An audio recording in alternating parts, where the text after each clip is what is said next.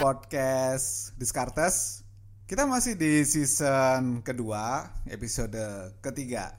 Sekarang tema yang akan gue angkat adalah Sampai jumpa tanggal tua. Ya, gue bilang sampai jumpa. Buat teman-teman semua yang baru join ke podcast gue, podcast Diskartes ini adalah podcast yang angkat tema keuangan, investasi, ekonomi, dan bisnis. Di season kedua ini akan kulik ide dari buku, dari orang, berita di sekeliling. Kemudian kalau misalnya nanti ada bintang tamu yang punya idealisme sendiri, gua akan undang.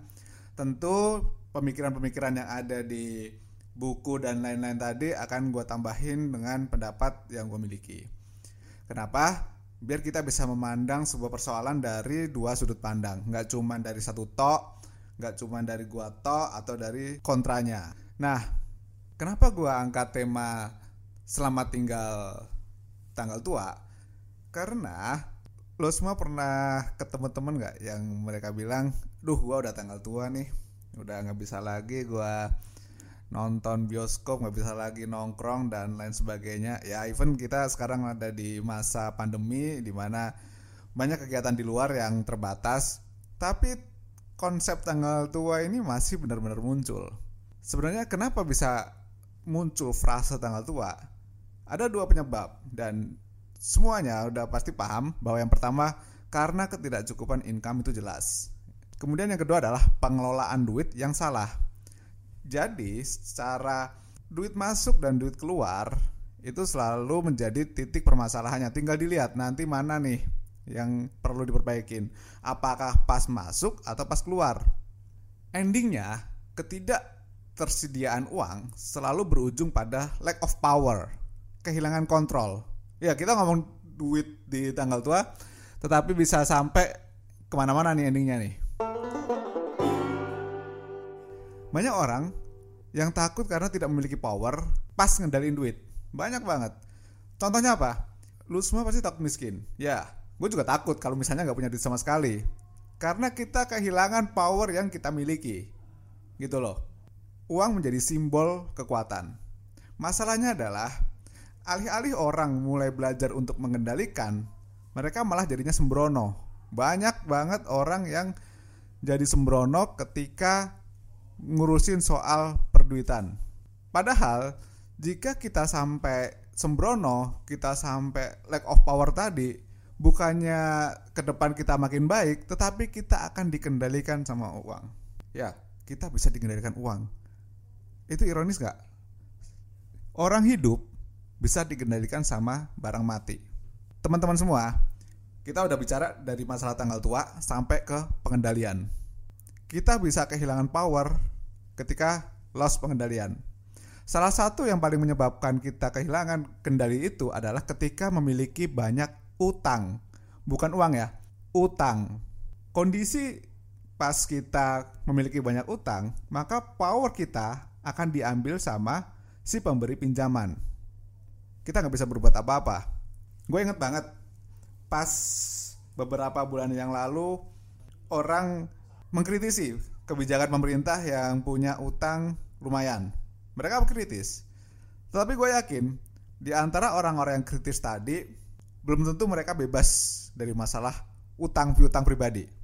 Orang yang kritis tadi bilang bahwa jangan dong negara jangan kebanyakan utang, takutnya nanti dikendalikan sama tempat lain gitu. Di sisi individu juga hampir sama. Bahkan kalau gue bilang utang yang dimiliki negara itu lebih terkontrol, controllable dibandingkan utang yang dimiliki individu. Kenapa? Negara ini udah ada satu unit khusus nih yang isinya ratusan orang ngurus utang yang dimiliki pemerintah Indonesia. Ada di bawah Kementerian Keuangan. Namanya Direktorat Jenderal Pembiayaan dan Pengelolaan Risiko, DJPPR. Itu khusus ngurusin utang. Jadi kita sebenarnya nggak terlalu khawatir karena orang-orang di dalamnya sangat capable. Masalahnya adalah kita lihat di sisi individu aja. Apakah kita cukup capable dalam mengelola uang kita sehingga tidak kehilangan power? Individu dulu deh. Ya, coba pikirin. Pikirin pertanyaan gua tadi. lu kehilangan power nggak gue ada satu buah quote yang cukup menarik dari Ayn Rand dia itu seorang filsuf kalau nggak salah dari Rusia dia bilang gini money is only a tool. It will take you wherever you wish but it will not replace you as the driver. Artinya apa? Duit itu cuma alat bos. Dia akan bawa ke mana pun lo ingin ke mana pun. Lu mau clubbing lu dikasih kalau lu punya duit. Lu mau ke Yunani lu dikasih kalau punya duit. Lu mau ke mana pun sepanjang itu ada duit yes lu bakal sampai. Tapi dia itu nggak akan bermanfaat apa pun sebagai driver. Dia tidak bisa berpikir karena balik lagi dia itu benda mati lu lah si pengelolanya lu lah sopirnya. Lu sopir di hidup lu sendiri. Bukan duitnya yang jadi sopir. Problemnya ketika lu nggak punya power maka sopirnya bukan lu. Sopirnya adalah orang lain yang ngasih pinjaman lu duit. Contoh gampang lu punya utang sama gua 100 juta lu nggak bisa bayar. Maka gue bilang yaudah lu nggak usah bayar dulu deh lu bisa tiga bulan lagi baru bayar. Tapi selama tiga bulan ini lu ke tempat gua tiap malam kerjain ini itu ini itu ini itu. Kalau nggak mau gue kasih bunga tambahan. Banyak banyak strateginya ketika kita punya power. Itu quote dari Ayn Rand. Kemudian ada satu lagi quote yang menarik Dave Ramsey. Dia seorang financial planner dari Amerika Serikat. Katanya, you must gain control over your money or the lack of it will forever control you. Lu harus bisa ngontrol duit lo.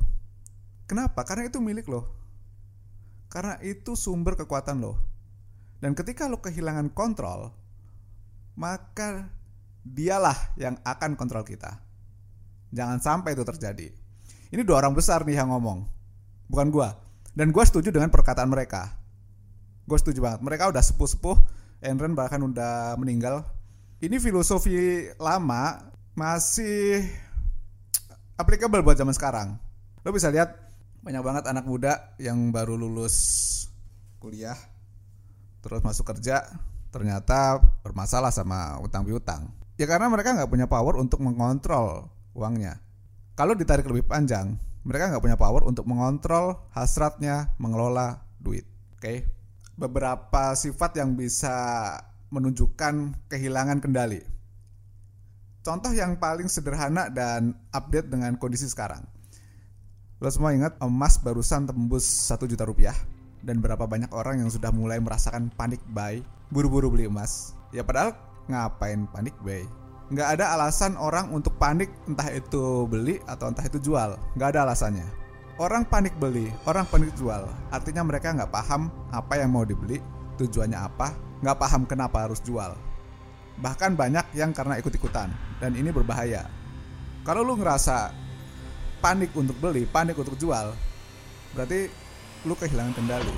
Kalau yang lebih advance, cryptocurrency, Bitcoin, Ether, Ripple, NXT dan bla bla bla lainnya udah mulai naik. Gimana rasanya? Lo lo merasa seperti apa? Apakah lo juga merasa, aduh gue juga harus cepat-cepat nyemplungin diri buat uh, buy some crypto? Apakah merasa seperti itu atau memang lu demen kripto dan lu udah belajar soal ini, lo beli tetapi dengan analisa atau seperti apa? Ketika ada perasaan tergesa-gesa, takut kehilangan kereta, coba deh hati-hati. Lebih baik lu takut kehilangan kereta daripada nyangkut. Dan ingat, cryptocurrency meskipun salah satu instrumen untuk investasi, levelnya itu sangat advance. Jadi kalian harus benar-benar pelajari tingkat volatilitasnya sangat tinggi. Kemudian sekarang ketika PDB mulai turun, indeks juga ikut turun, kalian masih sanggup nggak buat menahan diri biar nggak panik? Nggak panik buat jualan saham, nggak panik buat jualan instrumen investasi, semacam itu. Bisa nggak? Ada yang bilang bahwa di pasar saham, pasar modal, itu adalah mekanisme memindahkan uang dari orang yang panik ke orang yang tenang, ke orang yang kalem. Makanya kalau lu baca berbagai sumber buku investasi, buku trading, yang menjadi champion selalu orang-orang yang tenang. Nggak pernah ada orang panik jadi juara. Itu contoh kepanikan. Jadi konteks kita memang tanggal tua, tetapi bisa spreadnya luas banget. Sekarang gue akan sharing bagaimana cara mengatur uang agar lu semua tidak merasakan tanggal tua yang terlalu menderita, yang nggak terlalu parah. Yang pertama adalah coba deh lu ngaca dan tanya berapa lama lu menderita. Apakah lima hari setelah gajian atau 10 hari atau 15 hari setelah gajian? Sebagian orang yang mengalami defisit uang terlalu cepat itu bisa dikatakan wajar ketika memang harus membayar utang dan cicilan. Makanya perlu kita perhatikan sebenarnya berapa sih utang sama cicilan lo? Harusnya rasionya dikurangi gue selalu bilang bahwa utang adalah karya seni yang harus dihindari sebisa mungkin. Kalau bisa, semampu. Ingat, basic dari utang adalah kebutuhan. Gue udah bahas ini di season pertama dan kalian bisa coba dengerin. Takutnya kalau lu nggak bisa lepas dari yang namanya utang ini, roda penderitaan susah untuk berhenti. Terus biaya hidup yang dialokasikan harus benar-benar dihitung nih. Gak mungkin lo nggak melakukan penghitungan biaya hidup karena kalau sampai tidak lo kalkulasikan maka gue nggak heran kalau baru 10 hari atau 15 hari setelah gajian tiba-tiba habis ya lo hari pertama hari kedua udah dihabisin buat party dan lain sebagainya. Untungnya sekarang PSBB ini nggak ada tuh ceritanya party-party. Coba deh perhatikan itu. Jadi jawab pertanyaan gue berapa lama waktu penderitaan lo? Setelah berapa lama? Gitu. Yang kedua adalah plus belanja. Ini lu harus punya. Kalau misalnya belanja sebulan sekali itu susah, ya. Coba deh di split. Misal sebulan lakukan dua kali kecil-kecil aja.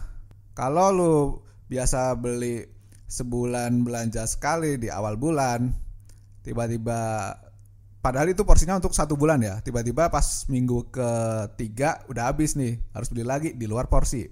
Nah, kenapa nggak di split langsung? Misalnya, pas belanjanya dibikin dua kali sebulan, yaitu di minggu pertama dan minggu ketiga. Itu kan boleh.